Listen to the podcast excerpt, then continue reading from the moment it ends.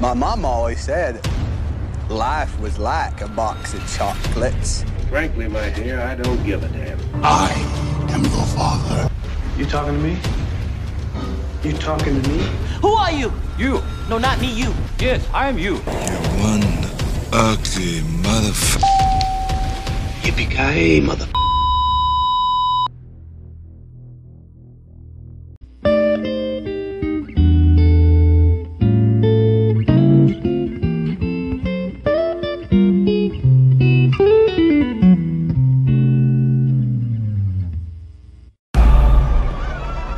first saw him. I knew then this was the master for me.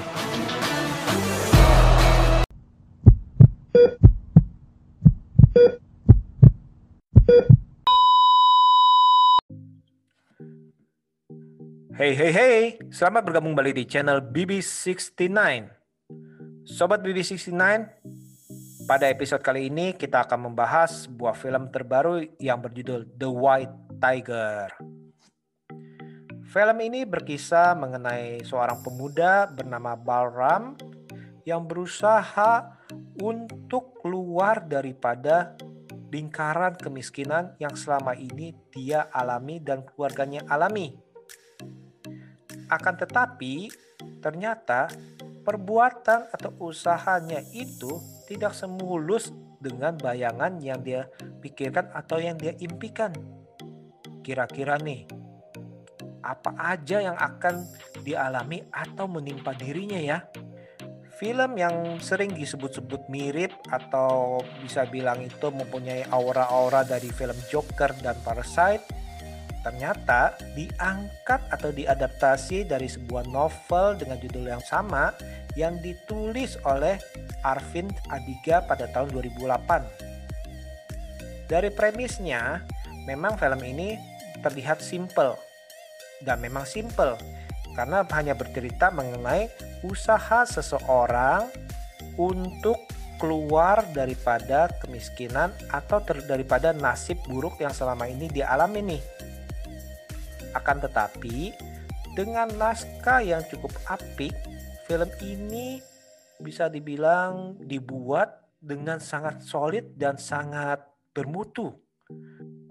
Bahkan banyak hal yang bisa kita lihat dari film ini. Kita ambil nih dari tokoh utamanya si Baram. Dari kecil kita udah diperlihatkan bahwa dirinya itu merupakan anak yang sangat pintar, bahkan digadang-gadang sebagai anak yang akan mendapatkan beasiswa untuk sekolah. Akan tetapi, karena ayahnya mempunyai hutang kepada mafia tuan tanah di tempat mereka tinggal, maka dia disuruh berhenti oleh neneknya dan untuk bekerja di sebuah restoran agar bisa membayar hutang-hutang daripada ayahnya dan menghidupi keluarga besarnya.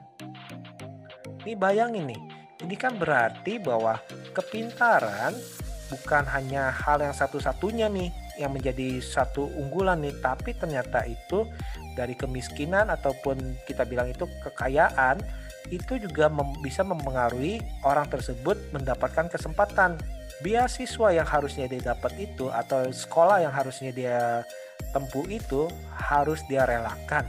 Beriring dengan waktu akhirnya dia menjadi dewasa dan karena memang dia merupakan orang yang kita bisa bilang itu pintar, dia bisa jeli nih. Dia bisa jeli melihat uh, situasi dan kondisi bahkan dia melihat apa yang kita sebut itu kesempatan dengan melihat kesempatan itu, maka dia mencoba meraihnya. Kesempatan apa? Kesempatan untuk bekerja sebagai supir dari sang tuan tanah atau mafia yang menguasai uh, menguasai lingkungan mereka hidup itu. Nah, di sini kita bisa lihat nih, dia ini melihat kesempatan dan dia itu mengambil kesempatan itu tanpa berpikir panjang. Itu yang membuat kita berpikir bahwa memang dia ini adalah orang yang cerdik setelah ia bekerja sebagai supir, dia pun menjadi orang yang benar-benar loyal pada tuannya dan nyonyanya. Kapan pun mereka membutuhkan dia untuk mengantarkannya, atau dia harus menunggu tuan nyonyanya istilahnya berpesta sampai malam, dia siap dan dia rela untuk ada di saat-saat mereka membutuhkan. Tempat tidurnya atau tempat tinggalnya dia tidak pikirkan. Nggak perlu kasur, nggak perlu apa-apa. Ya pokoknya dia rela lah. Dan dia benar-benar loyal sebagai supir. Bahkan dia meletakkan dirinya itu sebagai pelayan. Bayangin tuh, dia meletakkan dirinya itu sebagai pelayan ada satu kejadian yang membuat dia berusaha untuk menutupi daripada kesalahan daripada tuan dan nyonya.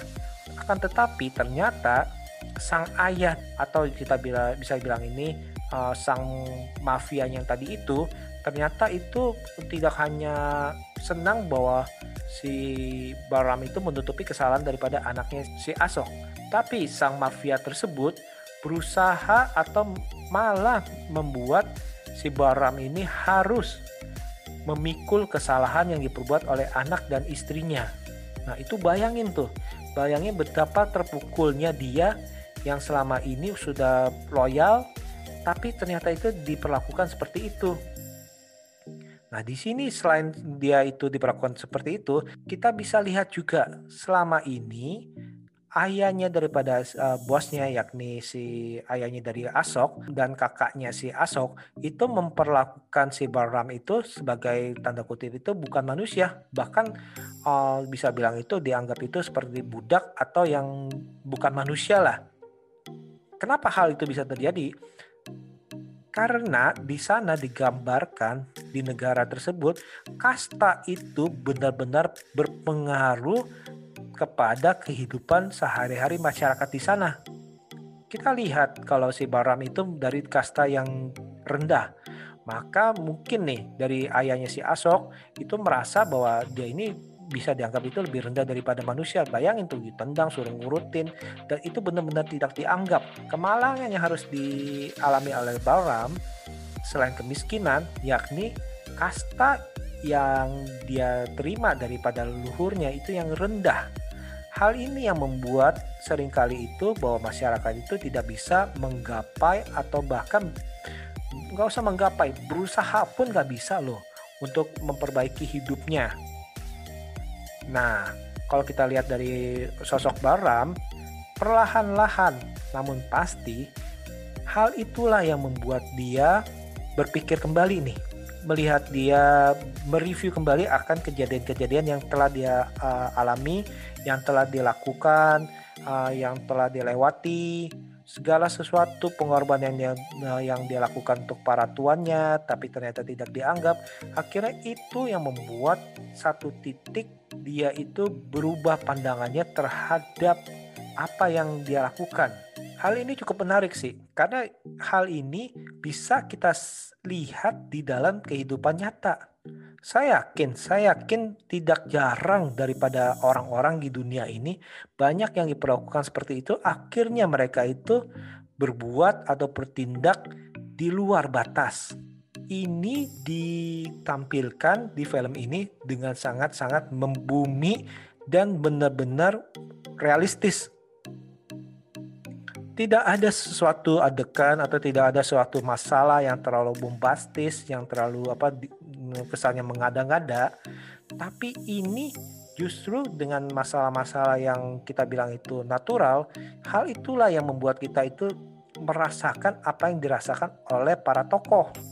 Saya rasa film ini tidak hanya relate kepada masyarakat India, tetapi masyarakat dunia pun saya rasa di bagaimanapun akan merasa relate, di mana mereka akan melihat Iya ya, kenapa nih saya kok nggak bisa diberi kesempatan untuk maju?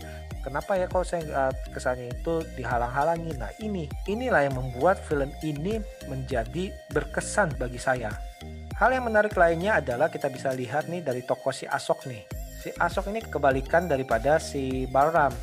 Dia ini lahir di sebuah kasta yang tinggi sebuah keluarga yang kaya yang terpenuhi apa pun juga. Dia ini bisa bilang mempunyai uh, banyak mempunyai banyak kesempatan untuk maju untuk melakukan apa yang dia inginkan. Akan tetapi sayangnya justru di dalam film ini dia ini seperti tanda kutip itu terpenjara dan harus untuk mewarisi daripada segala sesuatu yang sudah dilakukan oleh sang ayah walaupun dia nggak senang nih di satu adegan itu ada uh, selentingan dari Bada Baram yang berkata bahwa ya kalau saya yakni Baram tidak mempunyai kesempatan dan berusaha untuk menggapai kesempatan itu. Tapi nggak bisa. Sedangkan si Asok kesempatan udah ada nih. Eh tapi kok males-malesan untuk tidak mau mengambil kesempatan itu? Nah itu miris tuh, itu benar-benar miris dan memang itu sering kita lihat di dalam dunia nyata. Film ini tidak bisa dilepaskan daripada para pemain dan karakternya. Dua karakter yang utama yang paling menonjol adalah pemain atau pemeran daripada Baram sendiri yang bernama Adars Gorav. Dia bermain sangat-sangat apik sekali kita bisa melihat perubahan daripada Balram yang di mana itu awalnya itu dia polos, awalnya itu dia itu berusaha untuk menyenangkan tuannya, terus di saat dia harus menahan rasa marah, rasa malu di hadapan tuannya dengan tersenyum, terus di saat dia harus berusaha menahan tangisnya, kekesalan hatinya karena kecewanya itu dengan senyumannya, itu benar-benar digambarkan dengan baik apalagi di saat dia itu marah-marah, di saat itu kesel, angkara marah itu nggak bisa tertahankan lagi, uh, dengan tertawa yang uh, sinisnya itu, ini benar-benar si Adars Guraf ini bisa menampilkannya dengan raut wajah dan juga bahasa tubuh yang benar-benar kita percaya akan emosinya itu. Wah, pokoknya ini kalau kita lihat Adars Guraf bermain ini, kita melihatnya itu sebagai Baram. Itu benar-benar benar-benar wah deh. Selanjutnya yang nggak bisa kita abaikan adalah yang memerankan Asok, yakni si Rajkumar Rao. Kita bisa lihat uh, si Rajkumar ini di berbagai film. Nah, kemarin itu sempat ada Ludo, terus habis itu Trap, terus ada Queen, dan banyak film lain nih. Nah, di sini pun kita bisa melihat tokoh si Asok ini yang diperankan oleh uh, Ras Kumar. Kita bisa lihat nih dari dia yang berpikiran terbuka menentang segala tanda kutip itu perlakuan yang tidak enak dari sang ayah kepada si uh, supirnya si Pak Baram sampai akhirnya itu dia perlahan-lahan berubah menjadi apa yang dilakukan atau sang ayah ataupun sang kakak nih karena ya dia hidup di dalam komunitas itu tuh. Tapi di satu sisi sebenarnya dia masih ingin tidak berubah. Nah ini kita bisa lihat nih uh, perubahan-perubahan emosi daripada si Asok ini nih. Dan ini diperankan dengan baik oleh Rajkumar Rao nih.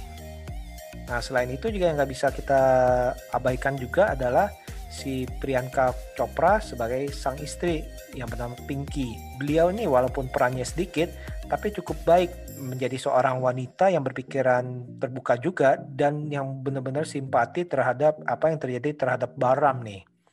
Tadi kita sudah membicarakan mengenai premis cerita, naskah dan juga karakternya ya atau pemainnya. Sekarang hal yang menjadi nilai plus daripada film ini bisa kita lihat dari sinematografinya, juga dengan balutan-balutan warnanya. Di sini kita disuguhkan dari lingkungan yang paling-paling kumuh, paling miskin, sampai ke lingkungan yang paling mewah dengan ton warna yang benar-benar saya bilang itu benar-benar indah. Namun di balik keindahan itu, kita bisa merasakan kepahitan di dalam film ini pergerakan kameranya juga kita bisa bilang itu benar-benar smooth dan benar-benar menghipnotis kita untuk menontonnya. Wah, pokoknya ini film ini komplit lah. Komplit dari premis ceritanya, komplit dari naskah yang solid, komplit dari uh, para pemainnya yang benar-benar berakting dengan maksimal, komplit dari uh, sinematografinya yang benar-benar indah, komplit dengan pergerakan kameranya. Pokoknya ini uh, filmnya yang komplit, plit, plit, plit. Semuanya ada dan solid. Overall, film ini adalah sebuah film yang indah namun pahit dan wajib ditonton untuk kita nih, untuk para penggemar film. Oke deh, saya rasa sekian dulu episode kali ini. Jangan lupa dengarkan episode-episode lainnya tentunya dengan tema berbeda. See you.